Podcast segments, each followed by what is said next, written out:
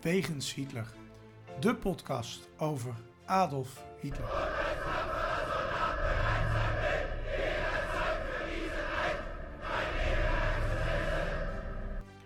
Dictator, alleenheerser van 1933 tot 1945. Een man met miljoenen doden op zijn geweten. Das war ein Befehl! Der Angriff Steiners war ein Befehl! Een man waar ongelooflijk veel verhalen over te vertellen zijn. Ook al die jaren na zijn dood. Herr Adolf Hitler heute Nachmittag in seinem Befehlsstand in der Reichskanzlei bis zum letzten Atemzuge gegen den Bolschewismus kämpfen für Deutschland gefallen ist. In deze podcast gaan Sjoerd de Boer en Niels van Andel de wegen van Hitler af. Ze kijken naar bijzondere plekken, naar vroeger, naar nu.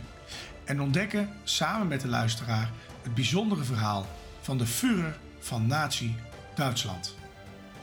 Een nieuwe week en een, een nieuwe special. Vorige week de uitzending over de Koningsplatz in München. En vandaag gaan we eh, weer een hele andere kant op. Want een lijn is niet te ontdekken in ons eh, verhaal.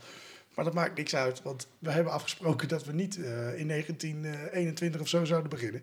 We doen het gewoon een beetje door elkaar. Wij eh, ras, rassen alles eh, eh, door elkaar. Precies. Maak er zelf, je kunt er zelf een volgorde in maken. Hè? Dat je denkt van nou, ik, zoals een soort puzzeltje. Ja, precies. En als je hem dat even met ons deelt, dan kunnen wij hem ook meteen delen. Ja, snappen wij er ook eens een keer wat van.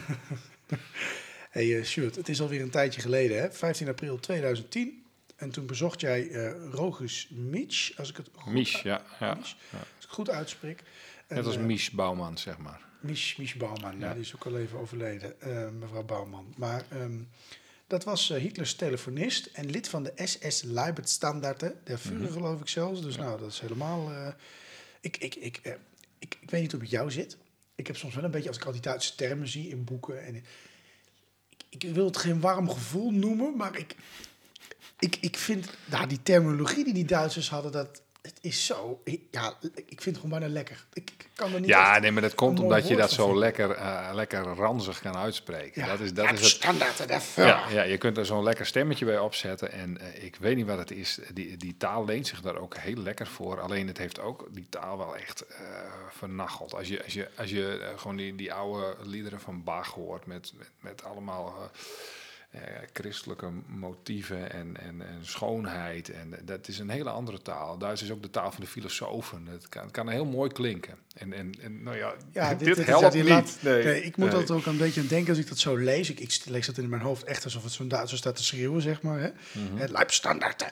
Maar eh, toen ik de eerste intro naar jou toestuurde, toen vond je ook dat ik de Führer van Nazi-Duitsland iets te enthousiast zei. Ja, dat klonk, dat klonk bijna alsof je fan was. Dus Ja. dat, dat, maar dat is, Maar ja, dat is je, ook niet wat ik ben, maar ik vind die taal, ja, ik, ik weet niet wat je gaat heeft. automatisch dat zo, zo uitspreken. Ja. Je kunt er zo goed, je Oberbevel der Wehrmacht, oh heerlijk. Ja, ik kan, ja, je krijgt er gewoon... Ja, kunt er fantastisch op marcheren. ja, heerlijk. Nou ja, goed, eh, dat wilde ik toch even kwijt, maar daar ging ik het totaal niet over. Maar als je het moderne Duits hoort, het, het klinkt totaal anders. Ja, precies. Ja. Het is- het is bijna in films, hè? Te lieflijk eh, wat, je, wat, je, wat je nu hoort. Maar eh, dat is echt wel veranderd. Nou, ja, tenminste, net zoals het Nederlands veranderd is. Ja, overigens is Duitsland in alles lief, maar dat is, eh, daar kunnen we het nog eens over hebben. Nou, gaan niet, terug naar Niet Mies. tegen Poetin. Nee, nou ja, maar daar zijn ze ook wel een tijdje best wel mak tegen geweest. Hè? Ook, eh, Maar goed, Ja, Mies. niet voor nu. Mies was eh, in die tijd dat jij hem interviewde eigenlijk nog de enige getuige die leefde, die Hitler dood heeft gezien. Hè? Dus die hem echt Ja. eh, met die kogel door zijn hoofd heeft gezien, zal ik maar even zeggen. Maar het is, ja, hij is inmiddels al dood, hè. Maar in deze special gaan we het dus hebben over hem, over die eh Ja. ehm, eh. Ehm, ja, en met name over mijn bezoek, bezoek daaraan, eh, aan, aan, aan Mies dit keer. Ja. Je kunt ook eh, uitgebreid over zijn boek hebben, dan kom je nog veel meer te weten. Eh, dus, Ja, maar goed, dan moeten we uitzendingen van twee uur gaan maken. En dat leek ons niet heel verstandig. Nee, nee, nou kunnen we ook nog een keer doen hè, over Mies of Precies, over weet ik veel wat. Gaan we doen. Ehm, voor nu gaan we het even hebben over jouw bezoek dus. Ehm, nou, voordat ik eigenlijk alles daarover wil weten, ben ik eigenlijk wel eens benieuwd... hoe ben jij daar nou terecht gekomen? Want dat lukt niet iedereen, denk ik. Nee, nee, nee ja, dat was de, de mazzel. Ik, ik had eigenlijk nog geen boek geschreven. Ik, maar ik had wel een website, eh, de Hitler Pages. En ehm, wat daar op dat moment eh, uniek aan was, is... eh, er bestond al een website... eh, eh, de uh, Third in Ruins. Dat was een heel mooi voorbeeld voor mij. En de, die ging uit van locaties. Uh, locaties waar, waar zijn, ik geloof zijn vader geweest was in het Amerikaanse leger. En dan ging hij precies beschrijven. En daar had hij dan ook bijgezet waar dat precies was. En toen dacht ik van ja, maar ik wil, dat, ik wil wel plekken met Hitler bezoeken. En toen ben ik die website gestart. En um, die kende zij. Die kende deze mevrouw. Um, die mij naar, naar deze mevrouw, ik verwijs al naar als we over haar gesproken hebben. Maar er was een mevrouw in, in, in Berlijn. Die, die, die stuurde mij op een gegeven moment een mailtje en, uh, via die website. En uh, die begon over iemand die nog in die bunker was geweest. Ik, daar, ik had meteen door dat hij het was, want er was er nog maar één. En uh, ja, toen heb ik op een donderdagmiddag heb ik een afspraak geregeld. Toevallig um, in de uitweek van de school waar wij allebei werken. Um, uh, want ja, toen was ik er, dat was uh, drie weken later. Dus ik heb meteen mijn collega van geschiedenis gevraagd: vind je het goed dat ik op donderdagmiddag even weg ben? En nou ja, dat hebben we gedaan. Dat was een oudere Duitse mevrouw en die zou mij naar de woning van Rogers Mies brengen. Ja, um, natuurlijk alsof je het sprookjesboek zelf hebt geschreven nu. Want uh, je zei al, ik heb geen boek geschreven nog op dat moment. Ik heb, ik heb wel een websiteje. Nou, blijkbaar wel goed gelezen wordt dan. Want iemand... Ja, dat was toen wel. Want kijk, websites zijn niet zo, zo, zo hot meer tegenwoordig. Mm -hmm. Maar die werd toen wel vrij veel uh, bezocht. Ik was ook wel vaak bezig met het beantwoorden van mailtjes en zo. En, en die locatie, dat was, dat, ik bedoel, dat, dat, dat had je in, in Berlijn ook niet. Waar moest je daar naartoe? Welke adressen? Want je wil, als je iets, als je ergens naartoe wil, moet je een beetje voorbereiden. En dat kon je fantastisch doen daarmee. En dat kan nog steeds, en het staat nog steeds online. En je hoeft alleen maar het adres in te typen en, en klaar. Je kunt uh, gaan je wil. Ja, maar uh, wat brengt zo iemand nou om uh, jou zomaar naar het huis van iemand te brengen? Ja, ja dat, vind ik, dat vond ik ook wel een beetje vreemd. Kijk, wat, wat wel zo is. Um, uh, als je het onderwerp uh, durft te bespreken, uh, in Duitsland mag je bijvoorbeeld geen hakenkruisvlaggen op, op, op, op websites zetten, begreep ik. In ieder geval, nou ja, correct me if I'm wrong, beste luisteraar. Maar oh, goed. Geloof me, dat mag nog steeds niet hoor. Je hebt nee. op YouTube ook niet, hè, als jij een geschiedenisfilmpje maakt. Dat is echt waar, dat zijn hele goede kanalen, de Armchair Story en al dat soort kanalen, die korter, veel minder uitgebreid dan jij doet iets uitleggen die worden verwijderd, die video's, als er hakenkruis ja. in zitten. Ook ja, ik had met de titel van, ja, ik had een titel van, uh, van, van uh, een cadeautje van de vuren. Daar staat een vuur op met een, uh, met een vogel en een haakkruis. Best confronterende cover. Wij zijn ook geblo geblokkeerd, geblokkeerd, van, ja. van Facebook een tijdje. Omdat wij in ons originele podcastlogo stond de Rijksadelaar van het, van het Derde Rijk. Die vogel die over onze naam hing. Ja. Uh, dus die hebben we maar veranderd. ja, maar goed, je, je kunt in Nederland wel uh, met die symbolen iets op je cover doen of op een ja, website zetten. Ja. En dan, dan had je helemaal niet zo'n groot probleem. En het. Nou ja, ik weet niet of dat, of dat opviel. Uh, niks, ik weet het niet. Het was in ieder geval een vriendelijke mevrouw. Die kwam mij, die kwam bij een pompstation ophalen.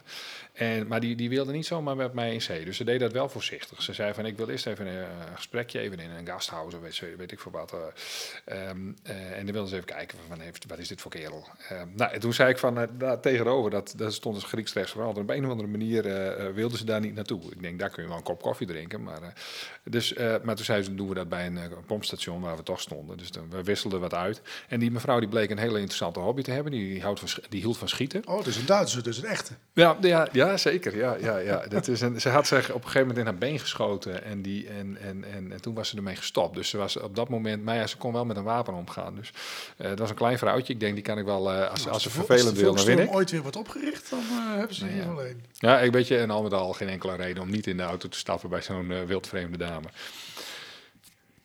Nee, precies. Ja, ik moest er even van bij komen. Dat merken de luisteraars ja, ook. Ja. Heel veel beelden hierbij. Um, jullie gingen op weg naar het huis van Mies. Um, wist je waar ze woonde? Nee, waar, ze, waar hij nee, woonde? ik had geen idee. Nee. Ze, ze heeft mijn, mijn paspoort bekeken en uh, vond dat goed genoeg en toen vertrokken we. En toen, ja, toen we in de auto zaten, hadden we wel een interessant, uh, verontrustend gesprek trouwens. Uh, ze maakte opmerkingen over negers en die noemde ze ook zo. Dat mag je tegenwoordig niet meer zeggen, maar dat waren de woorden die zij gebruikte. Had een hele twijfelachtige passage uit het boek van Mies haalden ze aan over twee joden die, die hadden in de oorlog, hadden die in Auschwitz gezeten, maar die hadden Um, uh, zich eigenlijk hele, die hadden niks gezien van wat er, van, van, van wat er eigenlijk uiteindelijk gebeurd was. Uh, uh, vernietiging en, en, dat soort verhalen wisten ze niks van. Dat, dat, dat kan heel goed kloppen, hè? Dat, ze, dat ze in het kamp waren en de, de, de plek waar dat, waar dat gebeurde, dat, dat, zat, was, zat niet, dat gebeurde niet tussen de woonbarakken. Nou ja, leefbarakken, nou ja, wat, wat kon je daar eigenlijk doen? Echt een leven was het ook niet. Dus die wisten daar niks van. Maar hij, lijkt dat dan, eh, of, of, of in zijn boek een beetje te gebruiken als een soort van zelfrechtvaardiging. Van, eh, kijk, zij wisten het ook niet, ik wist het ook niet. Eh, nou ja, je hoefde maar door Berlijn te fietsen en eh, je zag overal bordjes dat de Joden niet welkom waren. En hij zat eh, dicht op het vuur, dus hij wist ook wel wat Hitlers visie daarop was. Maar goed, die vrouw die ging zelf, zelfs zo ver dat de Joden van alles verzonnen hadden. En weet je, in, in Nederland was toch eigenlijk ook niks gebeurd. Er waren geen erge, erge dingen gebeurd in Nederland. Dus Dus dat, eigenlijk- is een- Mag ik dit een neonatie noemen? ja, zij had in ieder geval contacten met de zogenaamde NPD. Dus de, de Na- Nationaal-Democratische, Democratische, hè? denk ik goed om. Partij Duitsland, dus dit zijn extreemrechtse jongens, ja. En Ja. dames. Ehm, heb je dat, eh, nou eigenlijk een beetje, eh, ik, ik kan me, ehm, ik, ehm, de hele coronacrisis heb je ook veel discussies gehad, laat ik het zo zeggen. En Ja. ik, ik heb een keer een eh, medische behandeling moeten ondergaan en de beste mevrouw die mij hielp, die was een, eh, nogal een corona-ontkenner. Oh ja. Eh, en toen had ik zo'n vertwijfelachtig moment van, ja, moet ik hier daar tegen ingaan met de voice of reason? Want dan lag al, niemand lag in het ziekenhuis. Je weet wel, Ja. Niemand in het ziekenhuis, ke- vaccin en onzin. En de oudjes moeten maar binnen. Nou, dat, eh, ik had toen heel erg de strijd in mezelf. Moet ik hier nou echt op ingaan of moet ik maar gewoon laten zeggen... jij hebt eigenlijk gelijk, want dat heb ik wel gedaan, moet ik eerlijk zeggen. Ja, ja, Eh, ja. hoe ben jij daarin? Ja, Zo, nee, eigenlijk gewoon, ja, weet je, jij wil ergens naartoe en je wil dingen weten. Dus, ehm, en ik, ik had ook wel dingen gelezen hè, over dat je, dat je had van die, van die, van die mensen naoorlogse groepen, die elkaar nog, eh, eh, van bijvoorbeeld belangrijke, eh, neo, of, belangrijke nationaal socialisten, die zochten elkaar nog wel op. En ehm, nou ja, ik, eh, en dan las je wel dat het heel lastig was om die kringen, om die binnen te komen. Eh, en dan moet je bijna eh, een, een beetje faken. Nou, dat heb ik niet gedaan, maar ik, ik, ik ben niet in discussie gegaan. Zeker niet op de heenreis. Op de terugweg heb ik het wel even gedaan. Ehm, dus, dus ja, weet je, ik wil ook het meeste te weten komen. En, dus, en, en zij brengt me wa- waar ik zijn wil. Dus ik, ik, heb oh, even net gedaan op mijn neusbloed. Ja, precies. Een Ja. echte politicus. Ja. Ehm, dan kom je aan bij die woning van die Mies. Ja. Jij bent daar. Eh, wat moet ik me voorstellen? Een enorm kasteel à la Berghof, eh, betaald door natiegeld... Of, of een of ander lullig fletje van een armoedzaaier. Gigantische bunker met een vlak eh, kanon erbovenop. vlak nog. Ja, hij liep in de een tuin. in de tuin. Hij was eh, hand, handgranaatoefeningen aan het doen. hij had een hekel aan zijn buurvrouw. en, en lag de vuurrood, legde hij nog af voor de bloed, bloedvlagen. De vlag, het Hij ding. rende achter buitenlandse buurtgenoten aan, scheldend en tierend. Nee, niks van dat alles. Gewoon een heel vrijstaand, simpel vrijstaand huisje in, in, in, in een buitenwijkje in Berlijn. Niks speciaals. Een muurtje eromheen, zit een belletje op. Heeft stadnummer 133 staat er op het, eh, op het muurtje. En die vrouw die keek naar het nummer. Die zette de auto vlak voor de deur en die zei... dat is mooi, hè? de eerste maand van het jaar, januari... Eh, in 1933, wat gebeurde er toen? Ik, ik, ik, had eerst helemaal niet door ze het over had, joh. De- ja, Hitler kwam aan de macht. Dus zij vond dat nummer prachtig. Ehm, eh, en toen zei ze ook nog tegen me van, ja, je moet niet te kritisch zijn, want daar houdt meneer Mies niet van. Ik, ja, later dacht ik van, nou, volgens mij valt dat wel mee toen ik hem ontmoet had. Maar ik denk dat zij er niet zo van, eh, van hield. Ehm, nou goed, ik, ik wilde toch gewoon weten wat, wat, wat hij dacht. Hè. Dus, ehm, eh, en wat ik, wat ik echt wilde weten, en dat, dat was echt de missie. Eh, van oké, ik wil van, van, van die persoon eigenlijk het allerbelangrijkste wa- wat hij, eh, wat eh, te zeggen heeft, namelijk de persoonlijke beschrijving van de dood van Hitler. Die, dat wilde ik horen. Want hoe, hoe, er was niemand die me dat nog uit, uit de eerste hand zeg maar, kon beschrijven. Van de ooggetuigen die nog leefden. Dus dat was mijn missie. Ik denk, ja, weet je, daar gaat zij niet voor staan. Ik ga nergens tegenin. Nou, ik, ik, ik, ik ging het pad op en dan liep ik naar zijn huis toe. En nou, die mis die komt naar buiten, die doet zijn deur open. Eh, en eh, die zagen ons aankomen. Zijn hele oude kerel, 93, een markante kop heeft hij. En eh, toen zag hij me staan en keek hij me aan en zei... Ja, lijpstandaarden. Want nou ja, ik ben 2 meter 4. Hij herkende me in mij een collega. Hij was maar een klein manneke van zeg maar 1,81 of zo, weet ik het. Nou, dat keurkorps bestond uit mannen die lang waren voor die tijd. Dat was gewoon een, een elite- elitegroep. En kijk, wat dat betreft... Kijk, heb ik ook nog wel een beetje een hang naar verleden. Ik vind dat eigenlijk alle mensen van boven de twee meter ook in een soort elitegroep. Maar dan qua salaris het zouden moeten eh, komen. Nou goed, Mies was er in ieder geval eens van die. Een van de kleinste daar trouwens. Maar ja, weet je, als zo'n man dat zegt... eh, eh, wint hij daar de harten mee van sommige lui die bij hem op bezoek komen? Ik moest er in ieder geval heel erg om lachen. Uh, Politiek gezien kon hij me niet raken. Maar ja, ik vond het wel grappig. Ja, dat, dat vond ik nog wel humoristisch. Je vertelt, ik wil iets weten over hoe zo'n man denkt, hoe zo'n man dat heeft ervaren, hoe zo'n man dat gezien heeft. Mm -hmm. Jij komt daar binnen. Um, nou ja, hingen de grote rijksadelaren aan de muur. Kon je eruit halen dat hij, door, warm, ja. ja. dat hij warm voorstander was van, van het, het, het oude nazi-rijk. Uh, kon je er iets uit opmaken? Nou, weet je, je ik kon wel, je, je ziet er wel iets. Ik, ik, er, er hing bijvoorbeeld een, een, een, een, een een, soort vergroting van een postzegel. En op die postzegel stond de Rijkskanselarij. En dat is een cadeau van een kunstenaar die had, uh, die had dat gegeven aan hem. En uh, nou ja, dan, dan weet je dus van een, een, belangrijk deel van zijn verleden.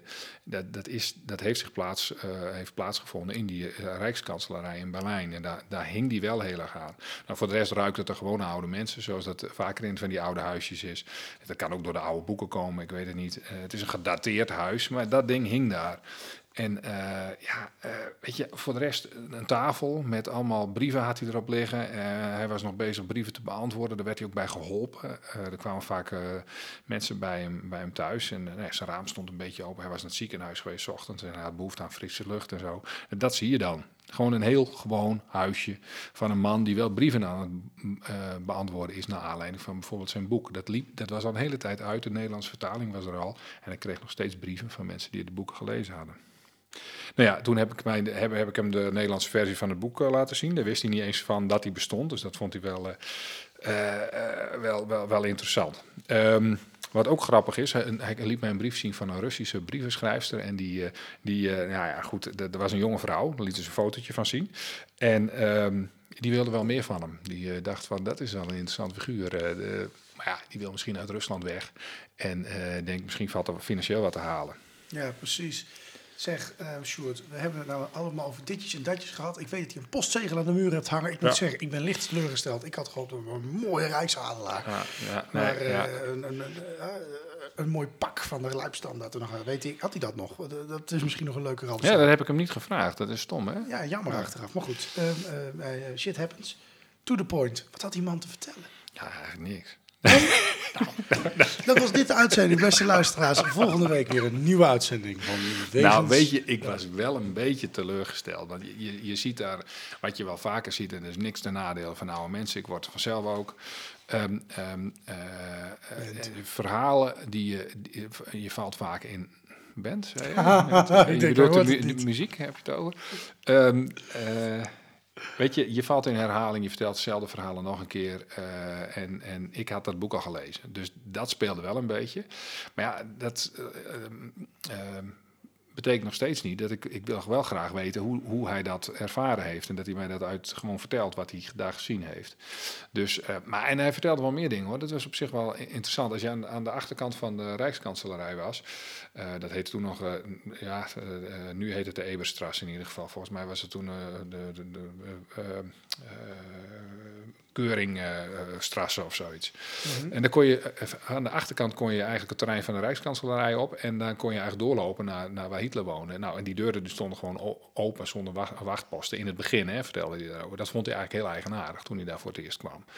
En uh, ja, dan, hij had ook een, een, paar opmerkingen over de film De Runtergang. Daar had hij wel mm -hmm. commentaar op. Um, ja, weet je, die bunker die zit in die film op een gegeven moment chockvol. En dat, zei, dat was nooit zo. Zeker beneden niet. Die had eigenlijk twee niveaus. En beneden was het gewoon rustig. Daar zat hij en daar zat Hitler en daar was even Brown. En dan verder was er gewoon vaak niemand. En uh, nou ja, dat, zo was het. Um, uh, maar aan de andere kant... Film, ja, ja, nou ja dat, daar hebben wij het volgens mij wel eens over gehad. Van, van moet je... Uh, ooggetuigen moet je, kun je gebruiken bij het maken van een film, maar een film maken moet uiteindelijk een, een interessante film maken. En uh, als er dan dingen op een andere locatie in, in dat gebouw en je, je, je, laat dat zich afspelen in, ergens in een bunker, is dat dan per se uh, verkeerd. Nou, ik denk dat het een goede film is, maar goed. Nou, ik kwam dus voor dat laatste stukje, hè, de dood van, van Hitler, dat wilde ik weten. En, en, en hij vertelt dan ook van, ja, weet je, Hitler die, die trok zich terug. Um, en ik wist dat het, uh, dat het eraan zat te komen, maar hij zat in zijn telefooncentrale. En uh, dan is er sprake van dat er een schot klonk, maar eigenlijk heeft niemand dat gehoord. Er is niemand die daarover vertelde en hij ook niet, hij hoort ook geen schot. Um, maar dan, dan duurt het eventjes en dan is het stil en dan gaat op een gegeven moment een kamerdienaar die gaat naar binnen. En, uh, en, en, en, en Mies begrijpt dan op een gegeven moment door de commotie ook dat, dat hij dood is. Die, die deuren gaan open. Zo'n kamerdienaar mocht ook naar binnen, dus die gaat als eerste. Bolman is daarbij. En, uh, nou ja, die, die, en hij gaat dan op een gegeven moment ook kijken. En dan kijkt hij en, en dan ziet hij Eva Braun liggen met opgetrokken benen op de bank. Hitler ernaast. Die zit op, of op de bank naast haar, dat wist hij niet zeker, of op een stoel daarnaast. Hij ligt voorovergebogen, ze zijn beide dood. En nou ja, dat heeft hij gezien. En dat is heel interessant, dat kamertje. Dat kamertje dat is in een bunker, eigenlijk redelijk dichtbij waar de echte bunker was. Uh, ik denk dat het uh, anderhalve kilometer verderop is. Uh, bij het Anhalter Baanhof, voor de, voor de liefhebber, daar, daar hebben ze een een bunker ingericht uh, met, een, uh, met allerlei materiaal uit de Tweede Wereldoorlog. En aan het einde dan kom je bij een ingericht kamertje uh, terecht, zodat het er zo uitziet zoals het kamertje van de zelfmoord van Hitler eruit zag. ik vond het leuk om te zien, interessant om te zien. Nou ja, uh, wat, waar hij niet bij was, wat, wat er vervolgens gebeurde, dan worden die uh, lijken die worden in, in, in, ingewikkeld in, in, in doeken en uh, in een, een, een, weet ik veel wat, een stuk tapijt dat daar ligt. En dan worden ze naar boven gebracht. En dan staat hij wel in de gang, dus die lijken die komen, komen daar langs. En dan worden ze verbrand en dan heeft hij niet gekeken. Nou, dan komt mijn begeleidster weer om de hoek. Want die zegt, ja, dat begrijp ik wel. Want jij, iemand voor wie je achting hebt, dan ga je natuurlijk niet gaan staan kijken als die in de, in, als die in de fik wordt gestoken. Nou ja, uh, Mies reageerde daar trouwens helemaal niet zo op, hoor. Dat soort opmerkingen van die vrouw. Dus ik weet niet wat hij daarvan vond. Misschien had hij wel door dat dat uh, minder tactische opmerkingen waren. En hij wist natuurlijk ook niet waar ik stond wat dat betreft. Dan had hij mij wat beter ingescheld. Lijkt me best irritant zo'n mevrouw die zich er tegenaan bemoeit. Nou, dat was wel zo, ja. Want dat was wel een beetje een stempel op het gesprek. Want zij gaf, gaf af en toe een richting en dan viel ze in de, in, in de reden. En um, uh, hij, hij reageerde er ook op een bepaalde manier op. Hoor. Dan, dan, dan, dan was hij even afgeleid. En dan pakte hij daarna pakte hij wel weer het, gewoon het verhaal op, zoals dat dan gebeurt. Hè. Want hij is in een verhaal en dat wil hij afmaken. En dan gaat hij dat to, toch weer oppikken. Maar um, nou ja, goed, op een gegeven moment was zij ook weer aan het woord. Begon ze over de dood van de kinderen van Goebbels. Dat is zo'n vervelend stukje in die film ook. Mm. Nou, Mies die zegt dan van ja, ik, ik, zag ze spelen in de bunker. En dan op een gegeven moment waren ze er niet meer. Er werden ze meegenomen. En er is geen enkele getuige van wat er toen gebeurd is. Um, en uh, nou ja, dan, dan, wat er dan wel gebeurd is, is dat die kinderen vermoord worden door vrouw Gubbels, die was daarbij. Er was een dokter bij, maar niemand ja, leeft nog die daarover kan getuigen wat er precies gebeurd is.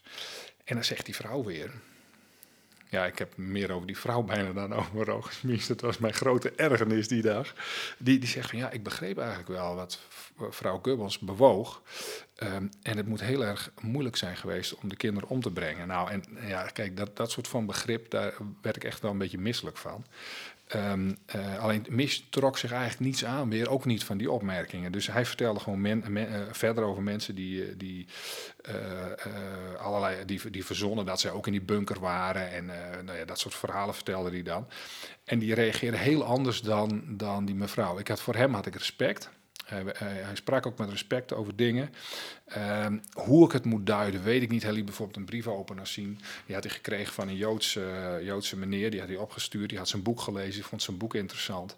En uh, nou ja, die begreep ook wel hoe dat bij hem zat. Hij heeft ook verder geen oorlogsmisdaden gepleegd. Hij heeft, geloof in, in, Polen heeft hij twee schoten gelast en toen was het voorbij. Maar toch, weet je, Joden erbij halen? Is het om je onschuld te bewijzen? Hoe zit dat precies? Hij had geen contact meer met zijn dochter. Uh, hij komt uit een socialistisch nest. En uh, hoe, hoe zat dat dan? Waarom wilde hij geen contact meer met hem? Nou, het schijnt dat hij het niet prettig vond dat ze haar vader nog zo aan dat verleden bleef hangen. Dus ja. dat is wel een ding. Hoe kijk jij nou terug op zo'n bezoek? Ja, nee, ja, fantastisch natuurlijk eigenlijk. Hè? Uh, ondanks het feit dat er de hele tijd zo'n zo, zo, zo beetje zo'n zo zweem van, van, van het donkere verleden met begrip wordt besproken door die dame. Zelfs dat uh, heeft, heeft iets aparts. Uh, dan denk je van, oh, waar ben ik nu in vredesnaam? Hè? Wat, wat voor sfeer zijn deze mensen hier nog? Maar weet je, dat iemand je vertelt over de laatste dagen in die bunker, omdat hij er zelf bij was, ja, dat is natuurlijk heel speciaal dat ik dat nog mocht meemaken. En dan denk je meteen van shit, weet je, als ik, als ik uh, net iets jonger was geweest en net iets eerder was, uh, wie had ik dan wel niet allemaal kunnen spreken nog?